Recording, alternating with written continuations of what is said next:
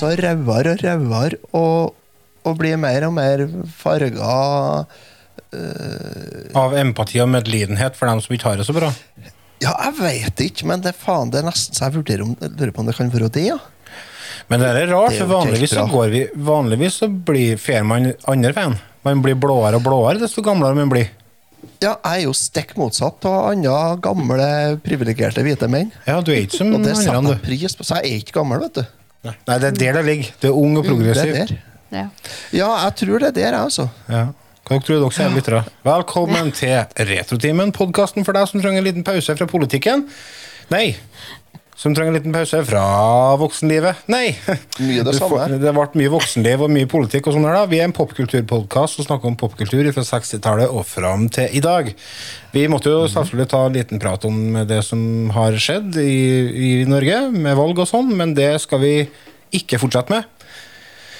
Vi har en eh, forholdsvis eh, variert eh, episode framfor oss her. Vi har en eh, liten bursdagskviss bursdagsquiz, og vi skal snakke om en liten eh, westernfilm, og vi skal Jeg skal snakke om to spill som jeg har spilt.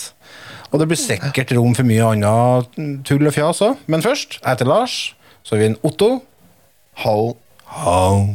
Og Ida. Hau! Hau. Er jeg bra med nok Feedback, feedback! Snakk samtidig. Snakk samtidig. Er jeg bra med nok Snakk samtidig. Ja, kjempebra. Ja, ja, ja. Kjempebra. Alt er greit. Ja, her står og stiv og strak. Halle, halle, halle. Da har vi gjort unna hva vi har gjort siden sist. Yes. Det, kanskje, vi vi skal bare, kanskje vi skal bare håpe på den? Ja, tror jeg det. Så jeg vurderer om jeg skal krysse inn panda nå. Det her blir jo ikke bra. Så Jeg ble kontakta av en bekjent, og han hadde 160-170 laserdiskplater. Hva heter det? Tvangsjakke? Eller tvangsgenser? Jeg husker ikke hva det heter. Tvangstrøye. Tvangstrøye. Tvangsgenser.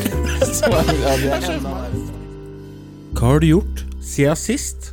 Jeg har eh, bare en eh, Nei, forresten, jeg har ganske mye jeg skal si, så jeg kan ta til slutt. Jeg, jeg trodde jeg hadde lite, men jeg har kjempemye.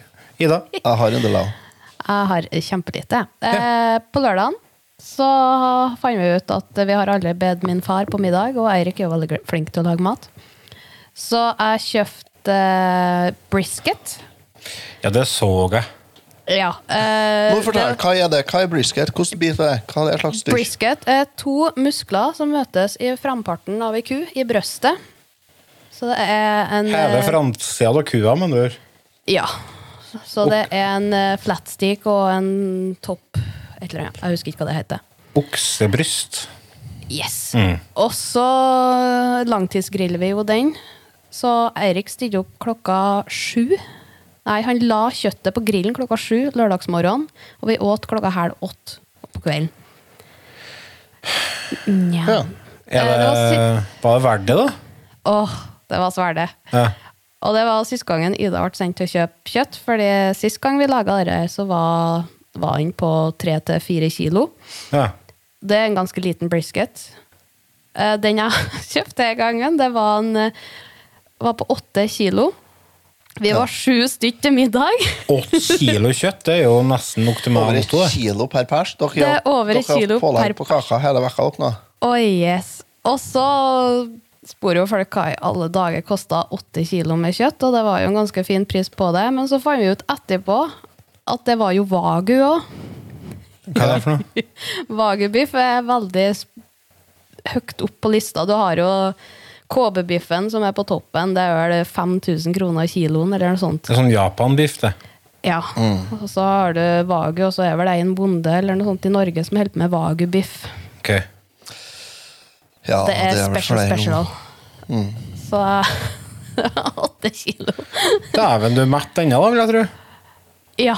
Vi var sju på lørdagen, og så var vi sju på søndagen. Det har én liten filet igjen.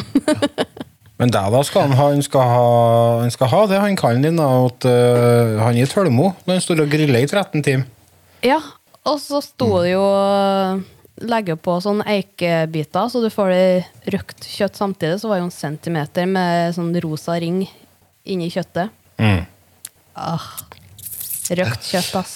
Det er digg, ass. Jeg må rette, jeg rette litt på deg, Ida. Eh, Så Wagyu er Kobe-biff. Det er Kobe, det, altså. Ja, men Er det. Ida har fått spasma spasmer i høyre hånd. ja, vet du hva, det Ida er har- flu her som fører å sette på øyet mitt, og jeg blir irritert. Ta det som et Ja, jeg synes eh, det er tegn på at eh, undergangen er nær. Ja. Din, altså. Ja, men det går bra, for i går så tok jeg og skrev under på livsforsikring, for det har jeg tydeligvis ikke. voksenpoeng. Okay. Ja. Det er voksenpoeng, ja. Nå har du offisielt tredd inn i de voksnes rekker. Ja, så nå, I dag har jeg skåret meg med kniv tre ganger, og Ja. det er ei flu som lander på øyet mitt, så dette går jo rett vest. Ja. Så bra, da. Det har jeg gjort Eh, siden sist. Håper at du berger til neste gang. da Minn Ja. meg om den episoden med Friends når Joey ikke har forsikring. Ja. Og så gjør han jo det han kan for å få seg jobb, da, sånn at han kan få forsikringen. Og så slutter de episoden med at uh, nå kan de bare gjøre hva faen de vil med Joey, for han har fått forsikringen, så de står med noe balltre og styrer på. Det er ikke brokk han får samtidig. Jo, nei, det er han er på å trene, det. Ja. Ja. If I'm going to the hospital, it's gonna be for this thing sticking out of my stomach. That's a hernia! Enn Gregerstad? Ja, du, jeg har to ting jeg skal fortelle i dag. Den Ja. Første er jeg fikk besøk i går. Wow! Ja. Oh, Det Alle kjære patrion Fred Inge. Hei og hå, Fred Inge. Og Han er Mr. Stenersen. Mr. Awesome, ja. Ja, han stakk innom. Han eh, er på Steinkjer og tar noe videreutdanning. Sånn desentralisert eh, Sånn eh, Hva det heter det når det er sånn er noe? Samlingsbasert. Samlingsbasert, vet du. Ja. Ja. Åh, du hadde en fremmedord, da. Ja, nei, så han stakk innom en snartur i går kveld. Så da drakk vi litt kaffe og jobba litt skit. Og så bytta jeg av den. eh, Han hadde Far Cry 5 til Xbox. Ah. Ja, så, Og det hadde han blitt ferdig med, han. Helt Ja. ferdig med det. Ja. Så da, men jeg hadde noen øl, Nice. så da ble det byttings. du, seriøst. Det, uh, vi har jo sånn Patrion-chat. Hvis dere vil ha tilgang på den, patrion.com slash. Men uh, inn på den Patrion-chatten så drev jo du og spurte om noen hadde det spillet for å eventuelt selge det. Og da var det noen som Jeg kjente ikke hva som sa det, men at det spillet ikke var sånn kjempebra, eller et eller annet sånt. Det var noe negativt knytta opp imot spillet, i hvert fall. Eh, de tar feil. For den Ja, Inge det sa det at jeg burde, jeg burde spille Far Cry 3 først. Eller etterpå. Ikke nødvendigvis. Trea har ikke noe, det har ikke noe med hverandre å gjøre. Nei, har men ikke eh, trea er synes ja. kjempebra. Den, eh, den Ja, er dritbra. han sa det at Trea var det beste, mente han. ja, nei, jeg syns femma var ah, kjempebra. Det var noe med den historien og settingen. For det, det er jo snakk om at det er ei krist, eller religiøs sekt som tar over USA. Ja. Og det er ganske creepy, eh, for det, er jo, det, det kan jo skje. sant? Ja. Og den verden Ja, du får og suser rundt i, ja, den er dritbra. Det spillet koser jeg meg maks med. Altså. Det må du glede deg på. Ja. Nei, så nå vet dere hva jeg skal gjøre når jeg er ferdig, når jeg er ferdig med Mass Effect. Jeg, nå, Du skal få Far Cry 5 til å henge seg opp på Xboxen din. da skal vi bedre ha noen bugs, ja. ja. Du, finner, du altså, finner nye bugs nå, flere år etter det kom ut, faktisk. Garantert. Jeg klarer å finne bugs i 20 år gammelt spill nå, så de må jo klare å finne det òg. Men det er noe nydelig poetisk over akkurat dette her, fordi at du er jo du, og du er jo ganske gammeldags. Du holder deg til gamle filmer og spill. Og nå har du på en måte tredd inn i en ny generasjon, og da starter du med å spille femmer femma samtidig som seksa kommer ut. Ja. Det er for seksa kommer nå i november, tror jeg. Oktober, tror jeg. Var det oktober? Var det november? Ja, var- oktober-november, i hvert fall. Ja, altså, litt av årsaken til at jeg fikk lyst til å spille spillet her nå, var jo fordi at jeg var inne og så på trailerne til seksa. Ja. Oh, det tror jeg kommer til å bli kult. Jeg jeg, på det. For jeg regner med det at kontroller og sånt er noe likt, ikke sant? Ja, det, det er smidd over samme lesta. Ja, da Men jeg- både trea, fire og femma er veldig lik, sånn sett.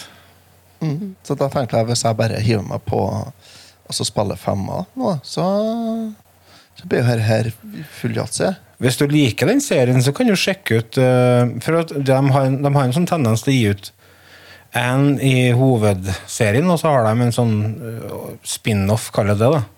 Mm. Og da har de en som heter for Far Cry Primal. Jeg vet ikke om jeg forteller om den.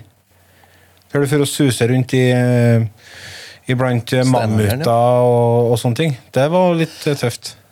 jeg har vært inne og så sjekka alle trailerne til alle spillene der på Xbox. her. Ja, det er det. Ja, så, det, så jeg jeg er Oppdatert. jeg. Nei, men jeg burde. Jeg, jeg, jeg, på- jeg, klar, jeg er klar til å bli blown away.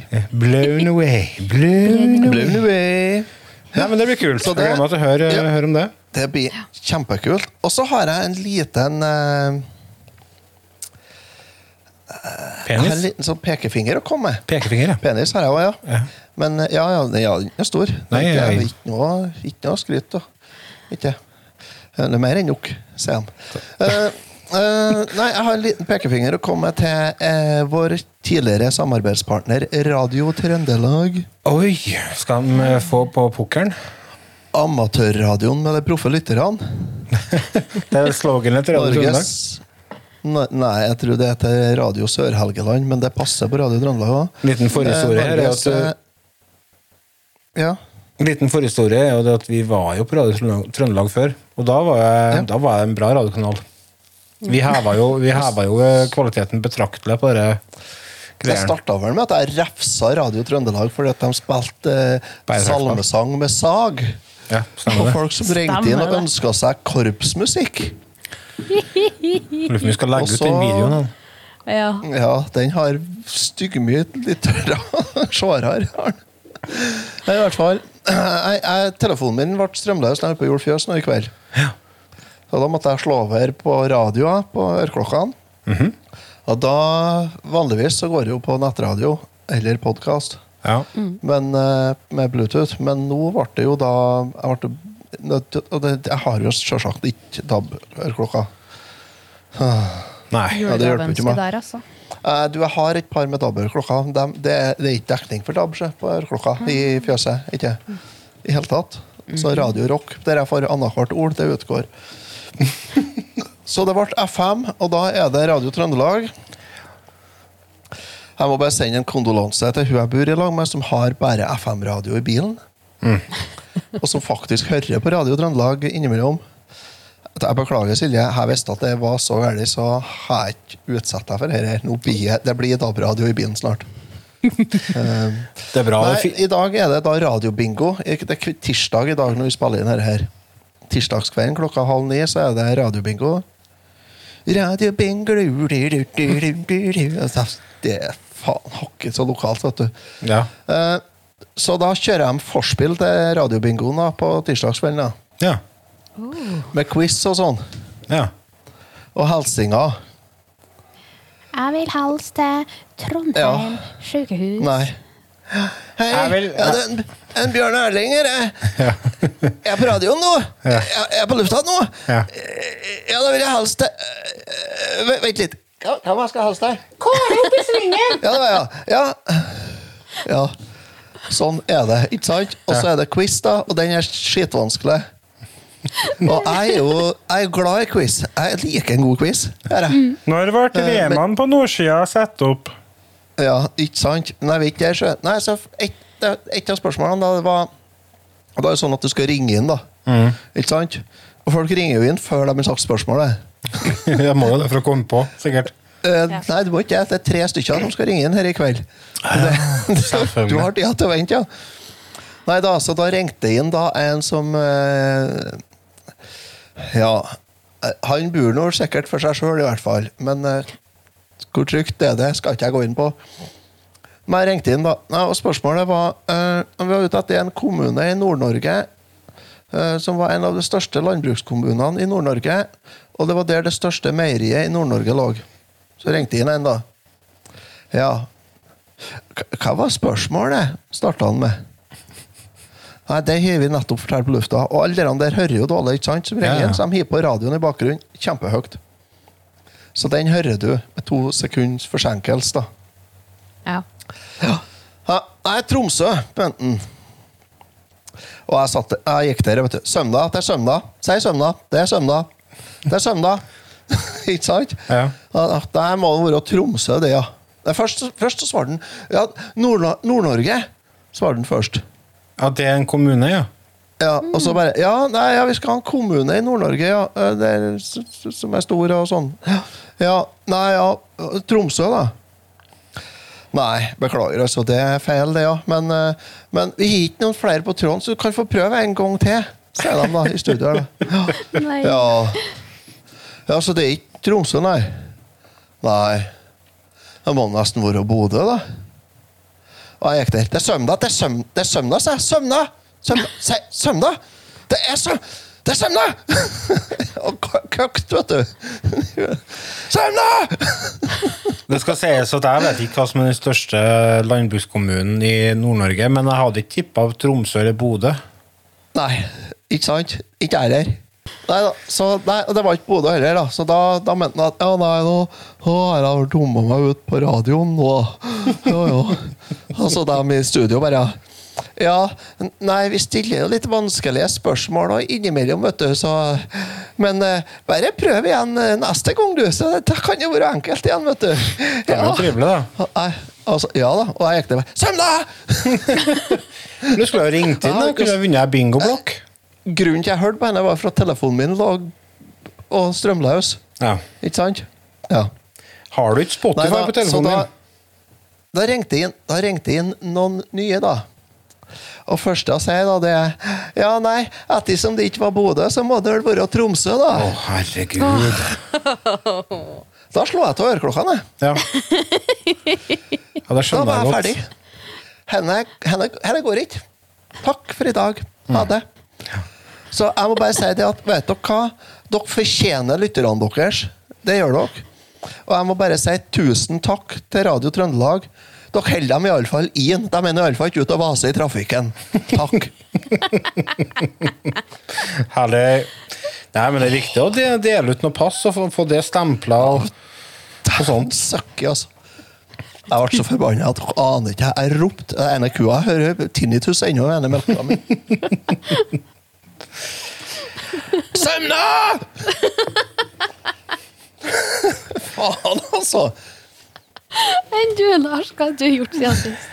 Nei, jeg har uh, tredd inn i de voksnes rekker en gang igjen, da.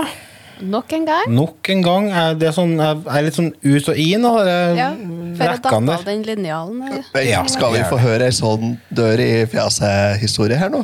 Dør i fjeset? Ja, har, Litt sånn som bøysing av trappa? ja, har, Nei. har, har, har, Nei, nei, nei. livet kommet og pissa deg oppover korsryggen?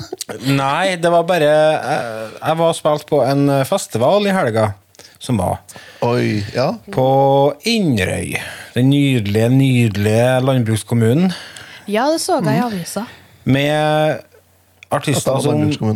Jo Nesbø og Kari Bremnes, blant annet. Ulf Risnes. Det var visefestival. Og Kari Bremnes. Kari Bremnes. Kari Eh, og Bremnes? for det, jeg spiller jo i et band som det er litt sånn viseaktig, det vi holder på med. Så vi passa for så vidt inn i, inn i um, programmet, da. Men uh, når jeg satt på scenen der og så utover publikum, så tenkte jeg hm, En er jo ikke en kjeft under 60.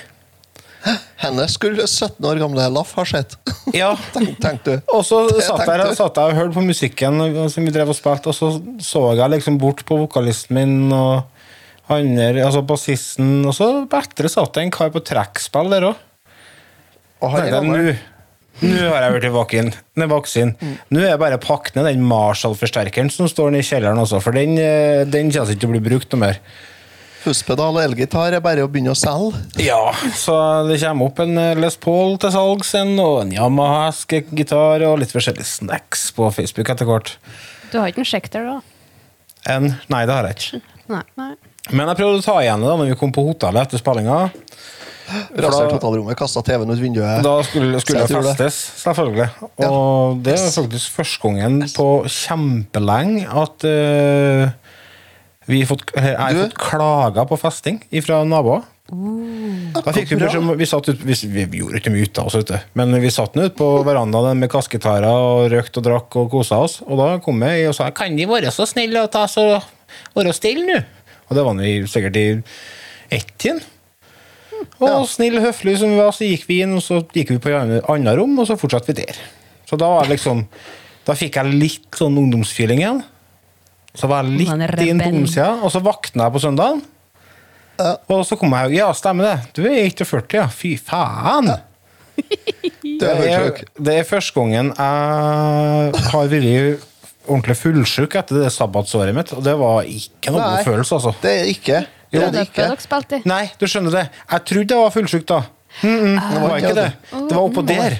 Det var det det var, ja. Stemmer det. Det var sånn det var, ja. Jeg skulle jo egentlig på sånn one på, på lørdag.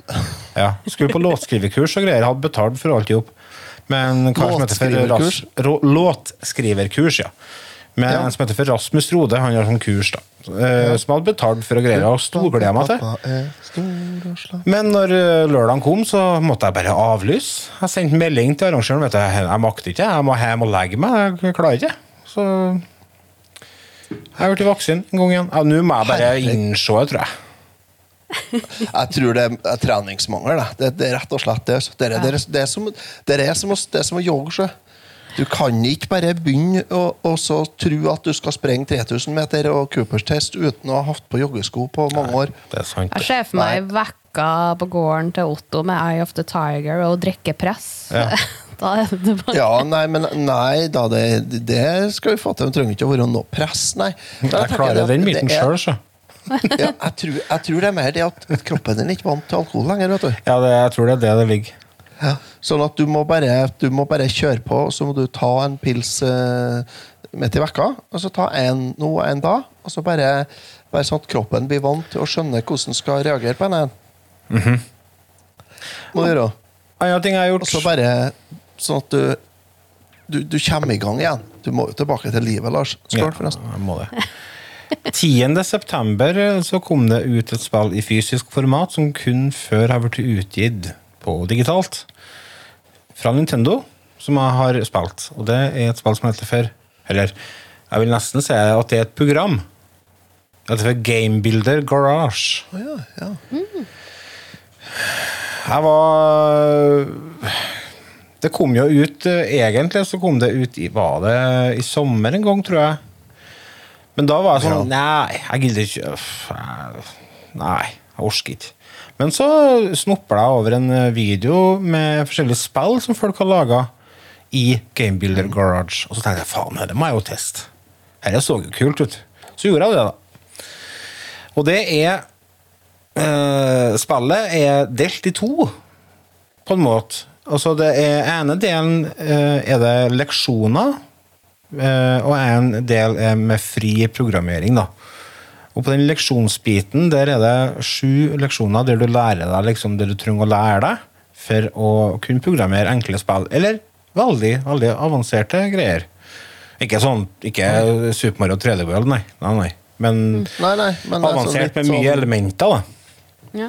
Og det er lagt opp sånn at øh, du har sånne små sånne no- nodons, nodons, nodons, som de kaller det. Sånne små skapninger som på en måte er byggeblokkene dine. Det, øh, for eksempel, øh, det kan være objektnodons, det kan være bokser eller sylinder eller sånne ting. Og så har du andre nodons, sånn input-nodon, eksempel. Da er det sånn at hvis du har en personnodon på skjermen din, da, og så tar du og så drar inn på en input-nodon, som du linker opp imot den personnoden, så kan du på en måte fortelle hvordan eh, du skal røre deg, eller hvordan du skal hoppe, eller hvordan du skal kjøre til høyre eller venstre, eller eh, sånne ting som er der da. Altså eksempel venstre joycon røre fram og tilbake, eller sånne ting. Ja. Eh, og alle de nodonsene har eh, egenskaper som du kan gå inn og endre på. Uh, F.eks. at de kan ødelegges eller flyttes på. Eh, så det påvirker liksom hvordan resten av programmet reagerer på, på det objektet, da, hvis, det, hvis dere skjønner hva jeg mener. ja. Det er litt sånn vanskelig å si så mye mer om spillet. Dette er noe som må testes. Um, en tanke jeg gjorde meg i forkant før jeg begynte med det, var at det som er veldig avgjørende for et sånt type spill slash program, er at leksjonene er enkle å forstå. Og det har de fått til veldig bra. Um, Det er veldig enkelt å sette seg inn i det som du trenger å lære deg, og det er ordna på en sånn måte at du, du blir Du blir litt inspirert. Du får litt ideer og sånt underveis til hva du kan lage sjøl. Men det som jeg var egentlig mest spent på, var jo det med at du kan laste ned spill som andre folk har, folk har lagd. Fordi at Det er litt sånn eh, Super Mario Maker. Ja, eh, det er bare hakket videre, liksom. ja. Hakket friere. Eh, og det er jo ja, det med at folk kan, du kan laste ned spill fra andre folk, men det har jo selvfølgelig Nintendo dritt på draget igjen, da. De er jo ikke tilgjengelige i selve programmet. Det er jo ikke noen sånn toppliste over de mest populære spillene. og sånne ting. Du må på nett da for å finne koder. Ja. Uh, men det finnes veldig mange forskjellige nettsider som, eh, som eh, du kan bruke som ressurser til sånt. da. Skal vi se, Jeg hadde ei side her jeg, som Hva het den, da? Nei, det er bare, jeg veldig på søkt på sånn Best Builder Garage Games og sånne ting. da. Og da dukker det opp. Og det er egne, egne grupper på, på Discord og alt sånt som du kan gå inn og dele eventuelt dine spill og, laste ned andre folk sine. Det er litt det jeg liker med internett. Er det noe som ikke fikses, så fikser fansen som oftest det sjøl. Ja, det er, det er rett. Det er så rett sagt, det. Men det er sånn eksempel på spill som folk har lagd, da, er Tetris. Helt fungerende Tetris. Eller Super Monkey Ball. Oh. De har laga Sonic 3D med custom sprites. For du kan lage egne sprites i spillet. Ja. Eh, fotballspill, Flappy Bird altså Det er mye sånne kopier av vanlige spill. Men så er det jo selvfølgelig originale kreasjoner. da Det fins masse puslespill, og det er til og med en som har begynt å lage Han skal lage eh, originale Legend of Zelda i Gamebuilder Garage. da så han har kommet ganske langt. Jeg tror han har kommet til første borgen eller noe sånt. Jeg ikke, det er akkurat det jeg ikke har testa, men det så eh, ganske kurant ut. Så henne sånn Nintendo-greier, det, det, det kommer med sånn jevne mellomrom så kommer det sånn helt sånne rare greier som eh, Microsoft og Sony alle har kommet på å lage. Enten om det er eh, papp som du skal brette, eller om det er program det er ja. der du lager spill sjøl, eller uh, ja, du vet jo all den rare kreasjonen til Nintendo. Jeg digger det. Jeg syns det er så kult at de tørs å gjøre det. For Det viser liksom det, det er kreativiteten som på en måte settes i høysetet, og det fortjener faktisk en M minus. Altså. For det, hvis du er nysgjerrig på programmering, så henne, tror jeg henne her er en veldig sånn fin inngangsportal i forhold til hvordan programmering fungerer. Altså, jeg kan kan jo- ikke programmere til vanlig, Altså- så jeg, men jeg tror det. det. Er det nesten litt sånn Roblox-opplegg, da? Roblox har jeg ikke prøvd. Nei, for det er jo litt det samme opplegget. At, du programmerer og lager spill sjøl. Men lager du med gra grafiske elementer, da, type drag and drop og sånn, eller? Jeg vet ikke, Nei? men eh, sikkert. Nei, jeg har aldri prøvd Roblox, men jeg vet bare at det er sånn det handler om å lage spill sjøl, og så kan du spille sånn småspill Ja, det- som andre folk har Det kan godt hende, det. Kan godt hende. Men eh, i hvert fall. Tommelen opp for en forsøker fra Nintendo. Det, kommer, ja, det har jo kommet i fysisk format, eh, så det er verdt å sjekke ut. Så det har jeg gjort, i tillegg til at jeg holder på å kikke Brooklyn 99! Den serien er så bra! Jeg jeg, jeg, jeg. Ja, har er så fantastisk. han. Har du begynt den, du òg? stole my jogger? Ja, Den blir bare bedre og bedre, Otto. Oh, yeah. Ørne. Ja, da, da, jeg har kommet til episode 7-8 på første sesongen. Eller sånt. Ja, når du har sett igjen den sesongen, så da er jeg gull. Og det er, blir bare bedre og bedre. bedre, bedre, bedre. Det handler om å komme, komme seg litt inn i humoren, og så handler det om at de må få litt tid til å utvurdere karakterene litt. For at etter hvert så får du litt mer, litt mer dybde i det, og humoren fester seg enda mer. Du blir kjent med humoren. Ja, det er kjempebra serie. nei, eh, serien eh, jeg, jeg, har, eh, jeg har satt pris på de første episodene, så, så det blir Ja. Jeg tror det. Ja. Skal vi ta en kjapp eh, pause? Jeg bare Jan. Ligger og koser meg hele dagen. Jeg er nå, men liker ikke tran. Det blir veldig mye Lars i start første halvdel av podkasten her, for jeg har enda et spill som jeg har spilt, som jeg har prata om i de siste par-tre ukene, og så har jeg holdt på med. Og det må jeg nesten Mye Lars i monitor, Ja, det blir mye. Lars i monitor. Men jeg skal holde litt mer kjeft når vi skal over på ukens film. Men først så skal jeg komme med en liten anmeldelse av spillet Ghost of Sushima. Uhuhu. Det kom jo i en sånn Directors Cut-versjon på PlayStation 5 nå, eh, som der det var med en sånn DLC, og det var litt oppgraderinger og sånne ting. Der jeg driver og spilt. Og jeg har kosa meg veldig. Du spiller Det er sånt som gjør at jeg lurer på om det var feil å kjøpe Xbox i stedet for PS5. Ja, det er vanskelig å si før det er gått noen år, tror jeg. Ja. Men det er sånn. Ja, det er jo det som skjer, vet du. Plutselig så sitter du med to Ja. konsoller til 6000 kroner stykket. Nei, jeg, jeg brente meg på det der eh, Jeg kjøpte meg Xbox One først, i forrige Mm. generasjon. Og, jeg, men jeg var veldig fornøyd med den. Jeg syns den var topp. Jeg. Helt til jeg snopla over en PS4, ny til veldig billig pris. Så kjøpte jeg Mm. den, og da ble det bare den som ble brukt. Så, men generasjonen før der igjen, så var det Xbox 360 som var favoritten, ikke PS3-en. Så det kommer an på hvilket spill er som kommer ut. Ja. Men i hvert fall Jin Sakai, du spiller han, da. Det er en samurai. Eneste gjenlevende ifra klan Sakai. Vi er i år 1274. Og eh, mongolerne, ledet av Kotun Khan, invaderer den japanske øya Sushima. Du og onkelen din, lord Shimura, lord Shimura prøver, gjør det dere kan for å prøve å forhindre en invasjon, men det ender opp med at onkelen din blir drept framfor øynene dine, og du sjøl blir hardt skada. Og selvfølgelig besvimer, da. Og du blir funnet i eh, av en kvinnelig tyv med navn Juna, som forteller deg at øya er fullstendig overtatt av mongolerne. Det du da selvfølgelig gjør, er å kalle, kaste eh, all rasjonalitet ut vinduet og gå rett til hovedproblemet, nemlig Kotun Khan, lederen, og skal ta han tvert. Det er jo ikke noe det er jo ikke vits å planlegge noe, så det går jo bare rett på strupen. Men det ender jo da selvfølgelig opp med at du får skambank i en eh, forholdsvis episk eh, duellscene på ei sånn svær bru. Som du blir pælma utfor og detter langt ned. Men du overlever. Da innser du, innser du at du trenger hjelp, eh, så da får du suse rundt på øya, rekruttere hjelp, eh, lære deg nye triks. Får dere nye våpen, tar over områder som mongolerne har tatt, eh, type borger, leirer og sånne ting. Det er kjent, kjent formel.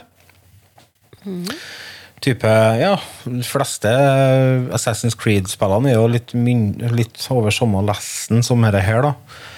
Men det som gjør hen spillet hen bra Grafikken og stemningen i spillet den er helt fantastisk. Eh, Det er så fargerikt, og samtidig eksotisk. For det, altså, det er jo sett i Japan, sant? Med rosa tre og sånne ting. Og svære sånne enger med høye, hvite blomster som blaffer i vind. Og det Flere ganger jeg bare stoppa opp og så bare kikka. Og bare, å herregud, hvor langt vi har kommet siden Pong, altså. Det er helt vilt til tider. Ja. Og så har du Ja. en annen mulighet på grafikkfronten. At du kan sette på det som heter for Kurosawa mode. Eh, Kurosawa det er en uh, regissør, Akira Kurosawa, som laga en del sånne samuraifilmer på 50- og 60-tallet. Som var til stor inspirasjon til Sucker Punch, da, som har laga henspillet igjen. Og det som skjer da, er at du får svart-hvitt, og så litt sånn grainy bilde, og lyden er forandra sånn at det høres ut som det er innspilt med 50-talls innspillingsutstyr. Å, det er tøft, da. Ja, så Det blir veldig autentisk, da, og da blir jo selvfølgelig japansk tale. Og, og jeg tror faktisk musikken er annerledes òg. Altså, de, har, gjort ganske mye med den modusen. Jeg spilte ikke mye med den modusen, men eh, jeg testa litt. Jeg syns det var tøft. Musikken i spillet den skal du få høre litt av.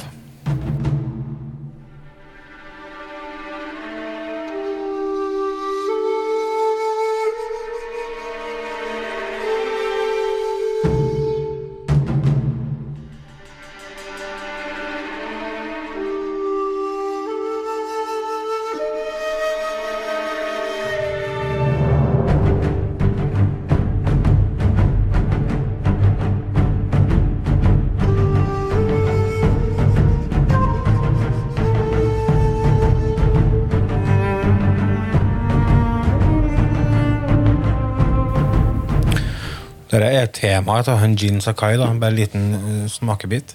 Musikken er helt rå, faktisk, og gir spillet akkurat det du trenger til rett tid. Det bygger opp under eh, stemningen, enten om den er trist, melankolsk, intens eller stressende. Uh, så er akkurat rett musikken til rett tid. Ja, og så nevnte jeg det med japansk dialog. Det kan du òg ha i vanlig modus, da, med engelsk tekst, da, hvis du vil gjøre det litt mer autentisk. Så er det store spørsmålet veldig ofte på sånne åpen verdensspill er hvordan skal du finne fram til ting? Hvordan skal du komme deg fra A til B? Og her òg er det selvfølgelig et kart som åpner seg opp mer og mer desto flere plasser du oppsøker. Og du har eh, hurtigreising, som faktisk er kjapp. Det er SSD-disk, så det, det er sånn én til to Ja. sekunds loading. Er helt, helt snålt. For det, Sist jeg var i en sånn åpen verden, så var det den nyeste Assassin's Creed. Og da var det sånn type 30 sekunder med loading omtrent for å komme seg fra A til B med hurtigreising. Men her er det instant omtrent. Og det er nydelig. Det gjør det, gjør det å, å ta alle de sideoppdragene mye mer eh, Det er mye lettere å ta dem, for du slipper å ri over halve kartet for å finne fram til Coop-en som satt og jamra seg en plass som skulle ha hjelp til å finne til noe. eller et eller annet sånt. Men det som de har gjort en annen, ting de har gjort er at de har lagt til noe som heter de, de, En annen, annen ting de har gjort for å finne fram her, som du skal klare å finne fram, er det de kaller for guiding wind. Det er en sånn vind som kommer på skjermen eh, som viser deg hvor du skal foran, som du trigger gjennom å stryke oppover på den plata på kontrolleren. Og, ja, så det, du trenger aldri å se på kartet. Og den vinden den er ikke forstyrrende i, i bildet. Den er på en måte, du, du føler at, du bare, at det er bare en del av naturen. Så det er genistrek. Ja. Kjempekult. genistrek. Og du kan jo selvfølgelig åpne opp flere forskjellige typer sånne wins-greier. Du har eh, eh, noe som heter for Wind of Inari, som fører etter sånne revehi. Som er en av de småoppdragene i, i spillet. Du skal finne masse sånne revehi. Så når du finner sånne charms, tror jeg det var. Og så har du Wind of Health. Da uh, fører de deg til hot springs, altså uh, varme Er det? Varme, Kilder. Varme kilder. Du kan bade i. Spiller naken. Ja, så det blir mannrev på filmen, på skjermen. Da får du økt helse, da, selvfølgelig. Så har du Wind Null frontal nudity, Ida. Nei, det er bare rev, ja. Så har du Wind of Resolve, som de sier. Det, da kommer du på sånne plasser der det er stekka opp eh, bambusstenger som du skal hogge over. Det har dere sikkert sett på sånne filmer og sånt. Og så, ja, og så kutter de gjennom fire bambuslenger på ett slag, liksom.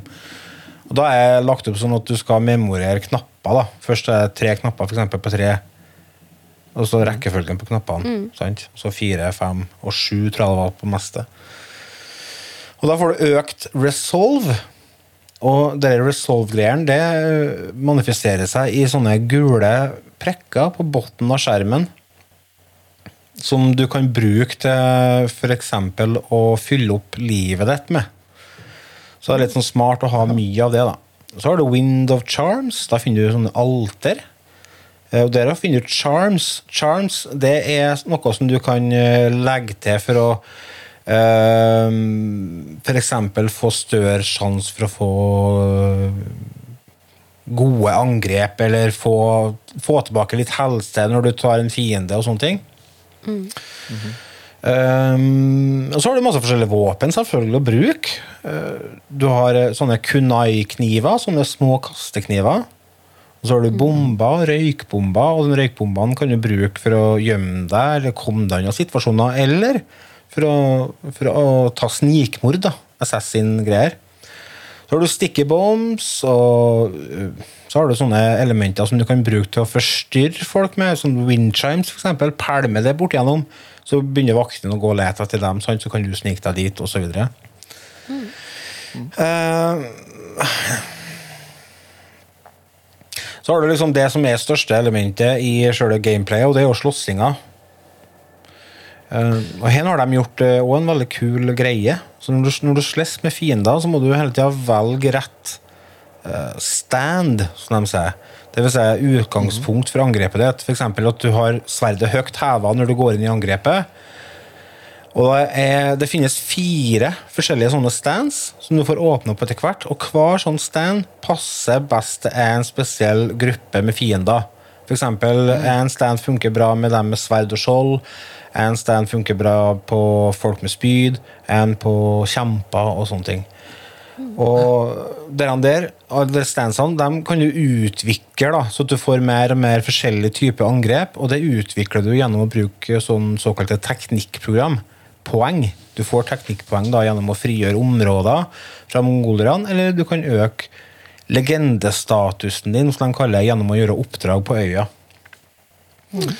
En annen greie som er litt kult med slåssinga på dette spillet, er at hvis du klarer å komme deg innpå en fiende uten, at han ser deg, så kan du på en måte rope ut 'Kom og ta meg', liksom.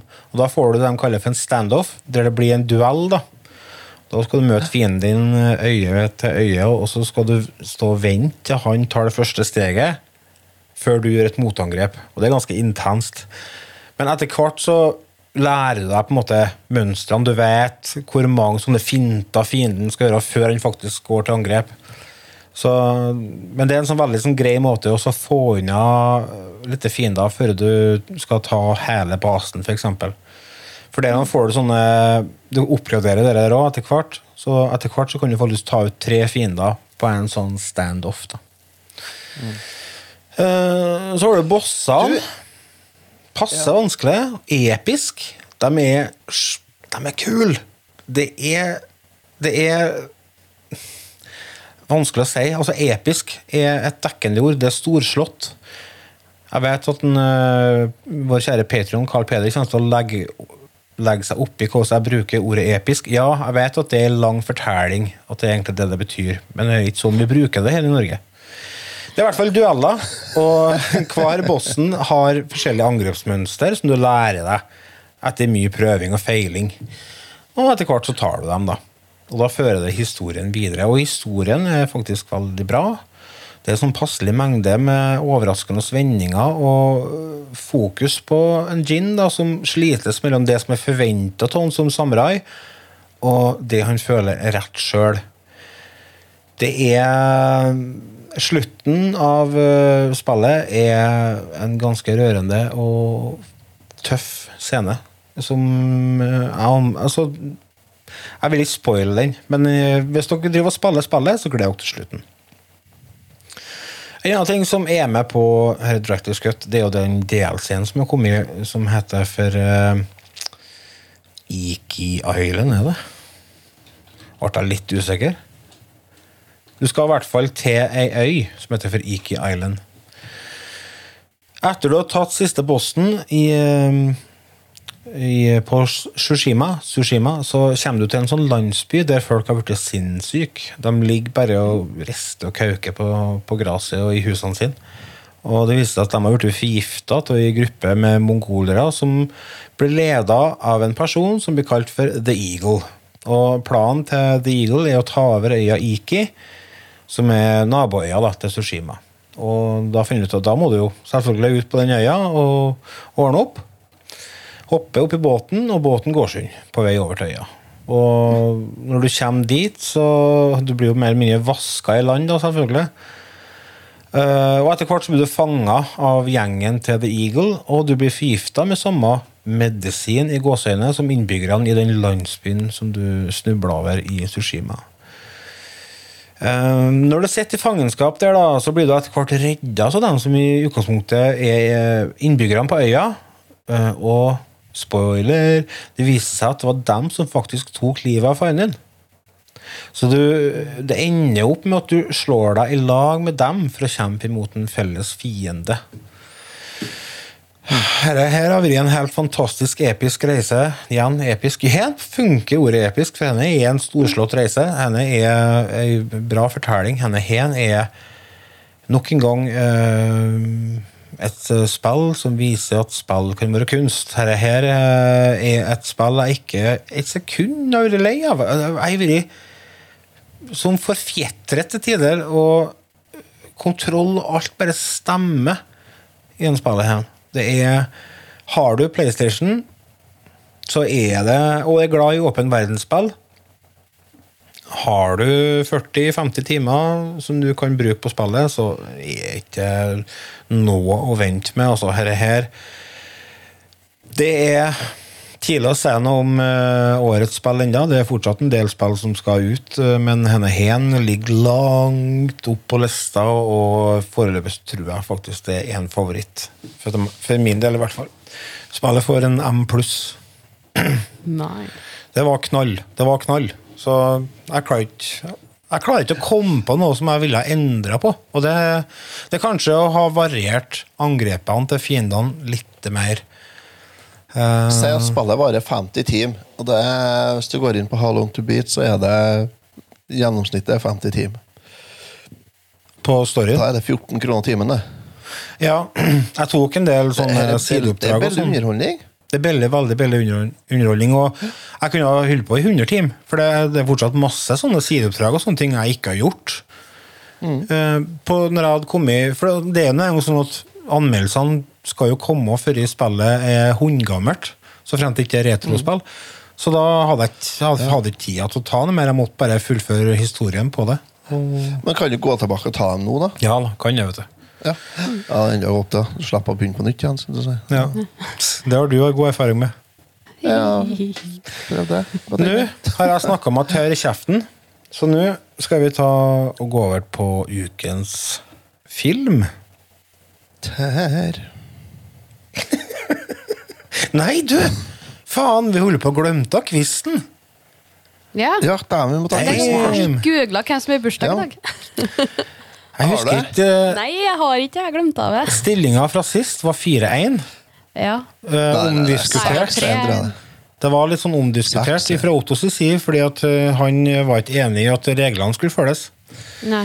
Men det er noe sånt det er jeg som er dommer her, da. I- Det er sant, ja, Ida fikk et poeng, men jeg sa jo svaret. hun- Men jeg sa ikke navnet mitt først. ja. så det, så det- men eh, hun fikk et poeng. det er jeg som er dommer og bødel? Ja. Dagens spørsmål så er det også et, eh, det er en person. Han ble født Oh.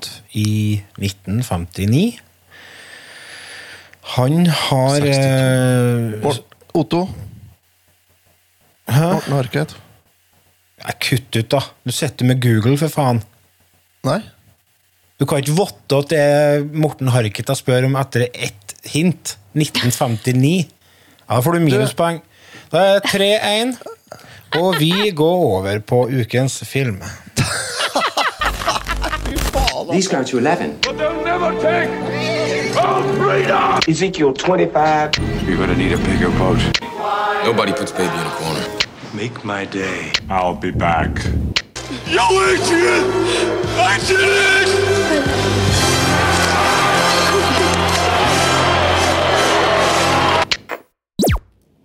Vi har selvfølgelig en trailer på lager. Skal vi ta oss og av en til ukens film? Prærien lå, prærien lå som et sted, som et sted hvor man kun, hvor man kun hadde fred, hadde fred. Men så kom, men så kom hvite mann, hvite mann med kultur, med kultur og forstand, og forstand. Da sa den tapre siste mohikaner, Ville Vesten er ikke som før. Da Denne, er dere innafor nå? Jeg tror faktisk Arne. Bendiksen er generelt uh, ikke innafor ennå. Ja, skal, vi, skal vi bare ta traileren i stedet? Jeg tror vi må gjøre det. Humor der, altså.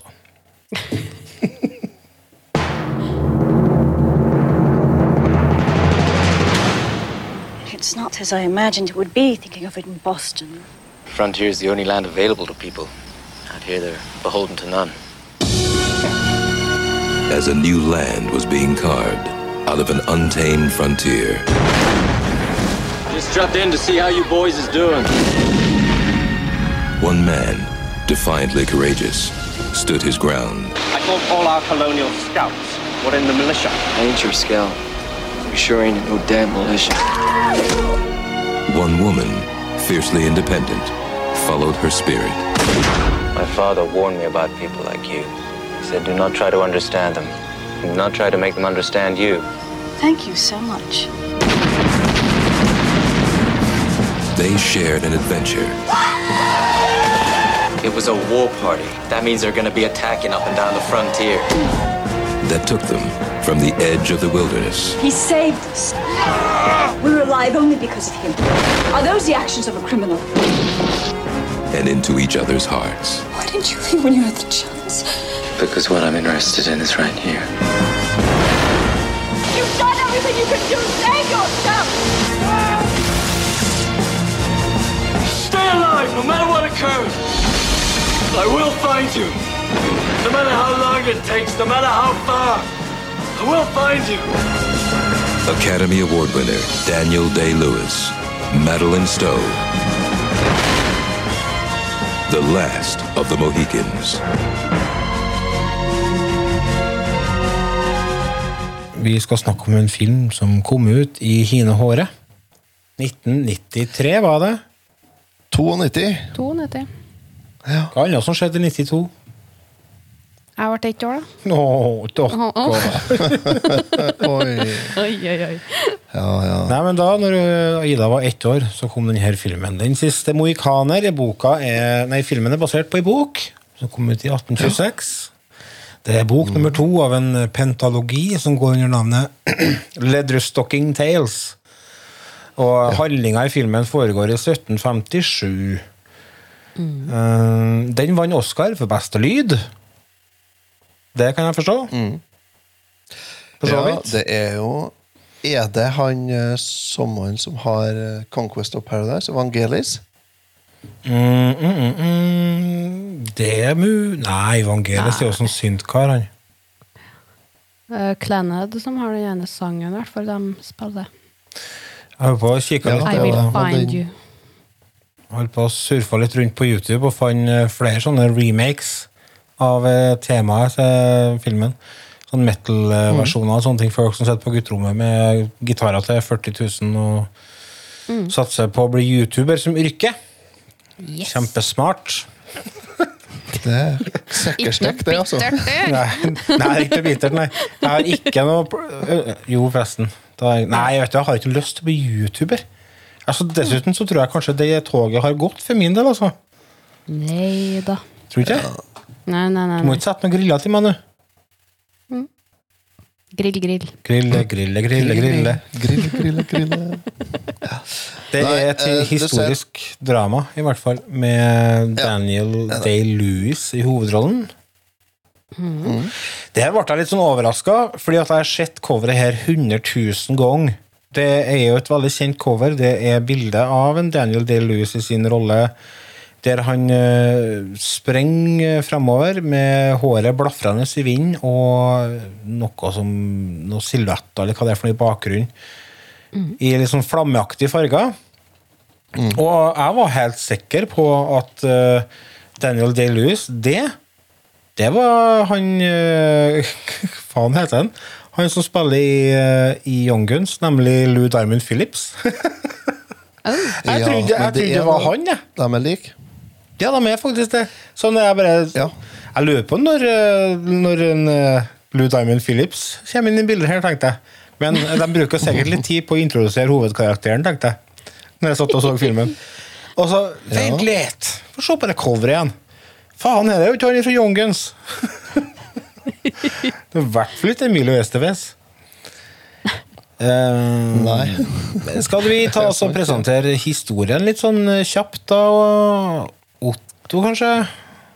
Ja, det kan jeg gjøre. Det, eh, det tar plass Det, det, det, tar, det finner sted, heter det vel, i 1756-57, ja. Som du sa. Eh, På den tida så var engelskmennene og britene var i krig om eh, landområder i USA. Det her foregår i området rundt New York, like sør for eh, grensa til Canada. Franskmennene har, eh, har eh, alliert seg med en hel masse indianere, huron-indianere. Engelskmennene har eh, alliert seg med noen andre indianere. Mohawk-indianere, blant annet. For å bruke dem som som stifinnere og speidere, og, og også for å skaffe mat til troppene. da. Mm. ble brukt. Området er tynt befolka av nybyggere, som har eh, stort sett har eh, hatt eh, plikttjeneste i den britiske hæren. Eh, Sju års plikttjeneste, og deretter får de slippe fri fra hæren etter sju års tjeneste. Det eneste de har råd til, da, det er å få seg et lite, lite tomt ute i, ute i bushen. Der de har eh, frontier line, da, som heter, der det er ny, nybyggere som holder til. Mm. Langs uh, Huronelva, blant annet. Eh, og de nybyggerne de blir da rekruttert igjen av den britiske hæren, de mannlige, for å komme og hjelpe til i en liten krig imot franskmennene. De blir med på det under forutsetning av at hvis, øh, hvis bosettingene deres blir angrepet, så skal de få frihet for å dra hjem for å forsvare dem. Mm. Det løftet blir effektivt brutt av, eh, major, nei, av general Monroe. Faren til to unge jenter som kommer for å besøke sin far i fortet han holder til. Mm. Problemet er at det fortet der, det er jo da beleira av franskmennene. Greit og angrepet. Hæ? Det er greit angrepet. Ja, de, de blir ganske angrepet. De blir det. Eh, franskmennene greier seg fram og får brukt måltårer og bomber jo det fortet sønder og sammen. Mm. Så de går med på en fredsavtale der eh, engelskmennene skal få fritt leide eh, mot å overgi fortet. Og det går de med på engelskmennene. Problemet bare er det at han eh, franske kommandanten han har jo sagt at eh, vi kan jo ikke røre dem, for jeg kan jo ikke bryte mitt eh, æresord. Men uh, der huron-indianerne kan jo angripe dem. Så de slakter jo ned hele det britiske kompaniet når de er på tur derifra. Der har vi òg våre tre helter, en Chingachgook, Unkas og Hawkeye. Høres ut som det, gl det glitcha til det der. Ja, eh, det er en glitch i navnet hans. Ja, det er det. Henta rett ifra Assassin's Creed. Mhm. Eh, nei, så tre. Eh, da blir det to Etter hvert så blir det to veikjene tatt til fange i lag med en major, som er beileren til hun eldste veikja. Mm. Det går jo selvfølgelig skeis i og med at han eh, Hawkeye, Nathaniel, han har jo eh, vært frampå og spåklina litt med hun major, det er generaldattera han. Han har jo vekta til live. Ja, han har jo Fordi at han, unga, han har jo eh, han ikke hva han heter for noe? Han Major Duncan Hayward, det han heter? Ja. Ja. Han eh, driver jo og skal gifte seg med den med eh, Cora Munro, som ble spilt av Madeline Stove. Ja. Eh, og på den tida den så var ikke bestandig at du gifta ut av kjærlighet. Du kunne gifte deg for å inngå handelavtaler eller fredsavtaler eller av praktiske grunner, rett og slett. Sånn at hun hadde et veldig sånn kaldt forhold til kjærlighet og giftermål. Så det, men det så fikk jo han Daniel Day-Lewis endra litt på, da. Eh, Sånn at hun Det ble, det, det, det ble røde kinnbein på henne etter hvert, for å si det sånn. En natt i Sundblessi fort, det. Ja, det, var- det, ble, det ble greit, det. Ja, så det ender med at eh, de to veikjene blir tatt til fange ja, Mm. av huron-indianerne. Um, under forsøket på å befri dem, så eh, havner en Unkas i Slagsvold med en uh, uh, Kan hete det? Uh, Magyar, skal jeg ta si. Heter ikke Magua. Magua heter Mm. det. Det er liksom hovedskurken i egentlig hele historien her. Hovedslammingen, ja. Han er en slamming som går igjen i bøkene eh, og delvis. Det er jo han som, Det er jo eh, han som eh, eh, narer dem, i utgangspunktet. Fordi at eh, de skal jo, Mm. Når de skal besøke dette fortet, så skal jo han være guiden deres.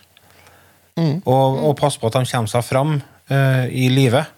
Og midtveis i turen så tar han fram eh, macheten, skal jeg hva heter det? Tomahawken.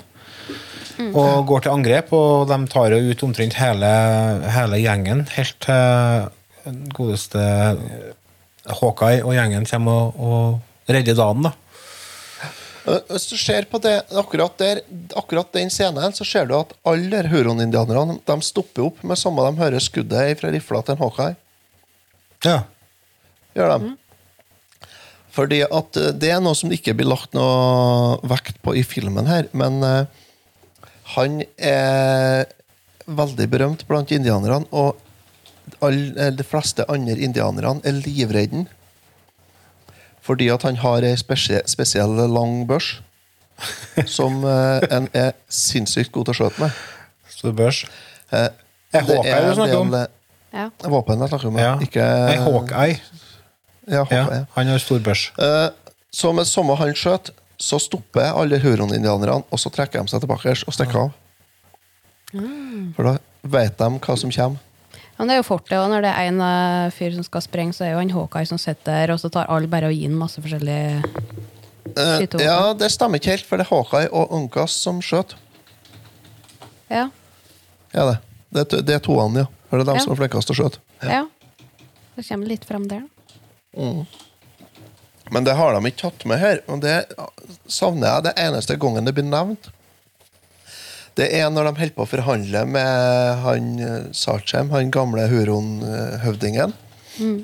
Så sier han Håkan det, Hawkeye det at han er uh, Jeg husker ikke hva han kalte seg på fransk. Men på engelsk så tror jeg I am long rifle, tror jeg det han sier på engelsk. Mm. Eh, For det er det de kaller han uh, Deran, da. Er det. Jeg tror det var Long Rifle de kalte den. Og Deer Killer eh, er vel òg et navn han har. Når vi det- først er inne på Håka her, så Her er jo en film fra 93. 92. Mm. Og eh, det, jeg tror det er mange som kanskje tenker det at eh, begrep som kulturell eh, appropriasjon kan brukes her, for det er jo en hvit skuespiller som spiller indianer, men det er jo faktisk ikke tilfellet, for han spiller en gutt som har blitt adoptert. Ja. Og på den tida der så er det faktisk eh, be bevisst at eh, indianerne kunne adoptere hvite unger. F.eks. at Mm. de tok imot flyktninger, eller de ble kidnappa, eller gjennom trades og masse sånne ting. Så det, det er liksom historisk korrekt. Det syns jeg er litt greit å bare få med. Heter det kulturell appropriering? Jeg vet ikke, kan ikke ordet. Kan godt hende, ja. Kulturell tilpasning. Uh, Ja. Det Bøkene her er jo uh, James Fenimore Cooper er jo, beregn- er jo regna som en av de, de store, virkelig store amerikanske forfatterne. Eller jo, Han var vel en av de første som faktisk skrev uh, kritisk til, til hvite manns eh, inntog i Vesten. Han jo Ja. som tok, tok indianerne litt i forsvar. Men, men det skal sies, de bøkene her, de er, de er også veldig eh, eh, De har fått mye kritikk for at de er veldig tunglessige. Jaha. Har de. Ja, det er jo gammel er- bok, da. Gamle bøker. Ja, ja, det er jo det. De er gamle. Men, men jeg leste jeg lest tre eller fire av de bøkene her. Det er fem bøker totalt. Jeg har lest tre eller fire av dem. Jeg har lest fire av dem, her, men jeg tror jeg har lest tre av dem når jeg var guttungen. Ja. Og jeg kan ikke komme i gang at de var kjempetunge å lese. altså. For de var jo en del av serien Gyldendals gode guttebøker. Å ja, kanskje det var litt sånn forenkla med store bilder og stor Det tror jeg egentlig ikke det var forenkla for dem. Det tror jeg ikke. Nei. Nei, uh, fordi at uh, det tror jeg ikke de drev med. Rett og slett, altså. Uh, nei, jeg kommer i gang. jeg har brukt ganske lang tid på både den her, og den Stifinner. Og Jeg ser den eh, illustrerte utgaven av The Last of the Mohicans er 528 sider. Ja, eh, illustrert utgave, ja. Det Så større bokstaver sikkert ja. Men Ja, De har kommet ut i veldig fine utgaver eh, det siste for ikke så veldig mange år siden. Det er bøkene her. Jaha. har de. Eh, veldig store, fine utgaver eh, har de. Så det kan være en gaveidé hvis dere kjenner en guttunge på eh, 10-15 år som er glad i å lese. Så er det det her er, det er bra bøker. De er, ja, jeg syns de var steinbra. Jeg husker ennå at jeg ikke fikk sove. Jeg måtte bare lese. Fordi at det, var en- det var jeg elsker når du altså. finner ei sånn bok. Mhm. At du blir bare Ja, sett den og setter sett den. Det er godt. Ja, jeg pløgde jo gjennom sånt når jeg var guttungen. Da, jeg, alt sånt, og cowboy- og indianerbøker og sånt, det bare rasa igjennom. gjennom. Spørs Så om skulle Kane bare fått Clay tak i Allison og, og her, det er bare fors. Topp. Spørs om han skulle ha tatt seg en tur på ebok.no og sett etter den bøkeren den, da. Ja Ja eh, Det kan godt hende det funker fint som e-bok, eller ja, e-bok i hvert fall, men som lydbok òg. Men eh, jeg tenker det her er jo Sitte framom vedovnen en eh, sur høstkveld eh, og et glass eh, rødvin, det er jo ypperlig. Jeg ser de har eh, Hvis dere abonnerer på ebok.no eh, gjennom det de kaller for premium, så er hele bokserien inkludert der, så da kan dere få lest dem gratis. Mm. Det er en ganske bra, ganske bra greie. Ja. Kanskje jeg skulle ha gjort det, da? Jeg, var litt, egentlig, jeg skulle egentlig jeg skulle lese den DumDum Boys-biografien, men kanskje jeg skal vente litt på den. Hva som er den første boka i serien? da? 'Hjortedreperen'? Nei, prærier eh, Prærien? Prærien er pionerer. Ok. Jeg husker ikke Nei, det er kanskje Siste Morganer som er den første. Nei, Pioneers er første, ja. Siste mohikaner er den andre. ja. Pioneers er første, og så er det Siste Morganer, ja. Og så er det vel eh, Stifinner eh, Nei, for du, du nevner det med at uh, Det med indian, indianerne Det heter jo ikke det. Det er jo egentlig ikke lov å si lenger, det heller. Men jeg, er urbefolkninga i Amerika Amerika ble jo sett ned på helt fram til nå, omtrent. Eh, Men han, mm. forfatteren, jeg husker ikke hva heter akkurat nå, men han stiller dem i et James bedre lys. Cooper. De, Han gjør det, Og det er jo tilfellet i filmen òg. Dere amerikanerne, de, nei, engelskmennene, de, de har jo ikke noe gode egenskaper. Eneste er jo det at han eh, Major Duncan han uh, ofrer seg for kjærligheten til slutt. da. Og det er jo litt sånn formildende. ikke at det ble så mild slutt på han, men eh, Ellers så er de jo bare teite, britene, mens uh, urbefolkninga blir jo fremstilt som fornuftige og gode folk. Til og med han, eh, han uh, Magua har jo eh, sida det, han, Vi skjønner jo hvorfor han er som han er. Så det er jo ikke noe tvil om at eh, det er urbefolkninga som er good guys her. En ting som slo meg når jeg så filmen, var cinematografien. Cinematografien. Den er faen meg fin til tider, altså. Det var en sånn scene der de kommer riende over ei bru. Husker dere den scenen? Det er en refleksjon eh, I vannet, i ja. vannet. Skaper en sånn perfekt Ikke sirkel, for det er ikke Sirkel. det er en eh, ellipse. ellipse, ja. Og det er så fint. Og det er mange sånne fine scener der du for eksempel er inne i skogen, og, og- det er liksom sola skinner gjennom. Og, og veldig ofte så øh, har de frama det på en sånn måte at mennesket er lite, mens naturen er stor. Det syns jeg er tøft. Det er kult. Så det er veldig, sånn, veldig mye stemningsfulle sekvenser. Og det nå kommer musikken inn. Den spiller jo en stor rolle, den òg. Um, hva dere syns om eh, skuespillerprestasjonene i filmen, da? Ida? Det var jo enkelte ganger jeg tenkte at hem. Det var Noen ganger så går ting litt fort, noen ganger går det veldig veldig sakte, og noen ganger så stopper liksom personene opp før de finner ut at å, søren, jeg skal gå videre. Virka som enkelte gang. Det kan hende det var bare jeg som tenkte noe over. Men uh, la oss ta den uh, fighten med Mogwa og faren til Hawkeye, eksempel. Helt på slutten der. Ja. Ja. Når han slår han med tomahawken sin, så står han der, og så kikker han til side, så ser på armen sin, og så stiller han seg rett opp og ned. Det er så Vet du, ak Venter vi på noe? akkurat den scenen, den eh, Det fins en sånn The Making of den her filmen. Ja. Som er Hvis du kjøper Blu-rayen, tror jeg det, så er det med det.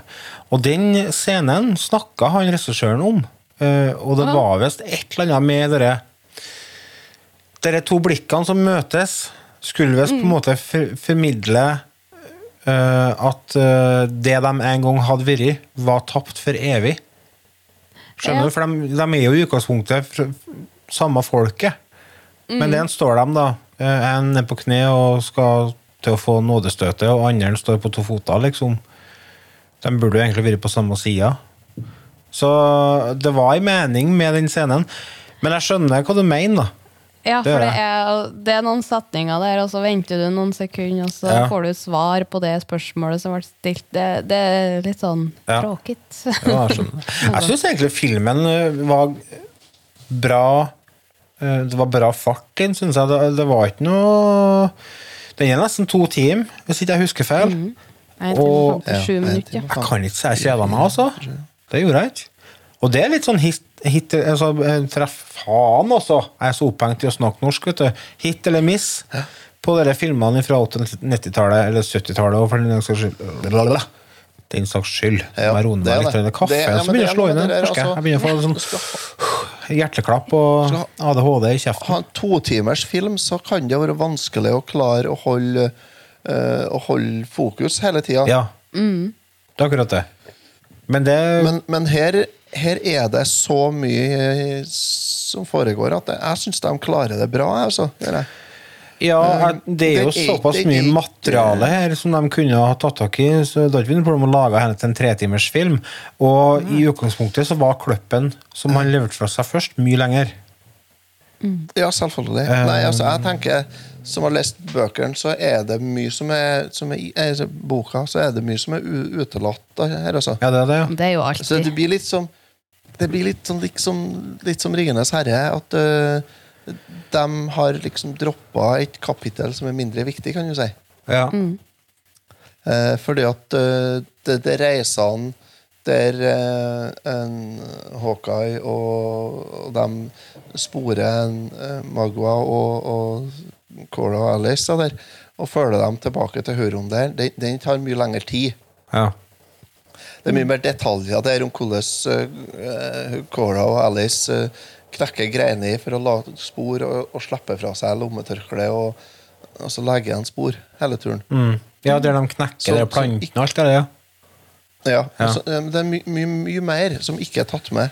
Og så er det likeens er det flere eh, Flere scener som er utelatt, kan du si.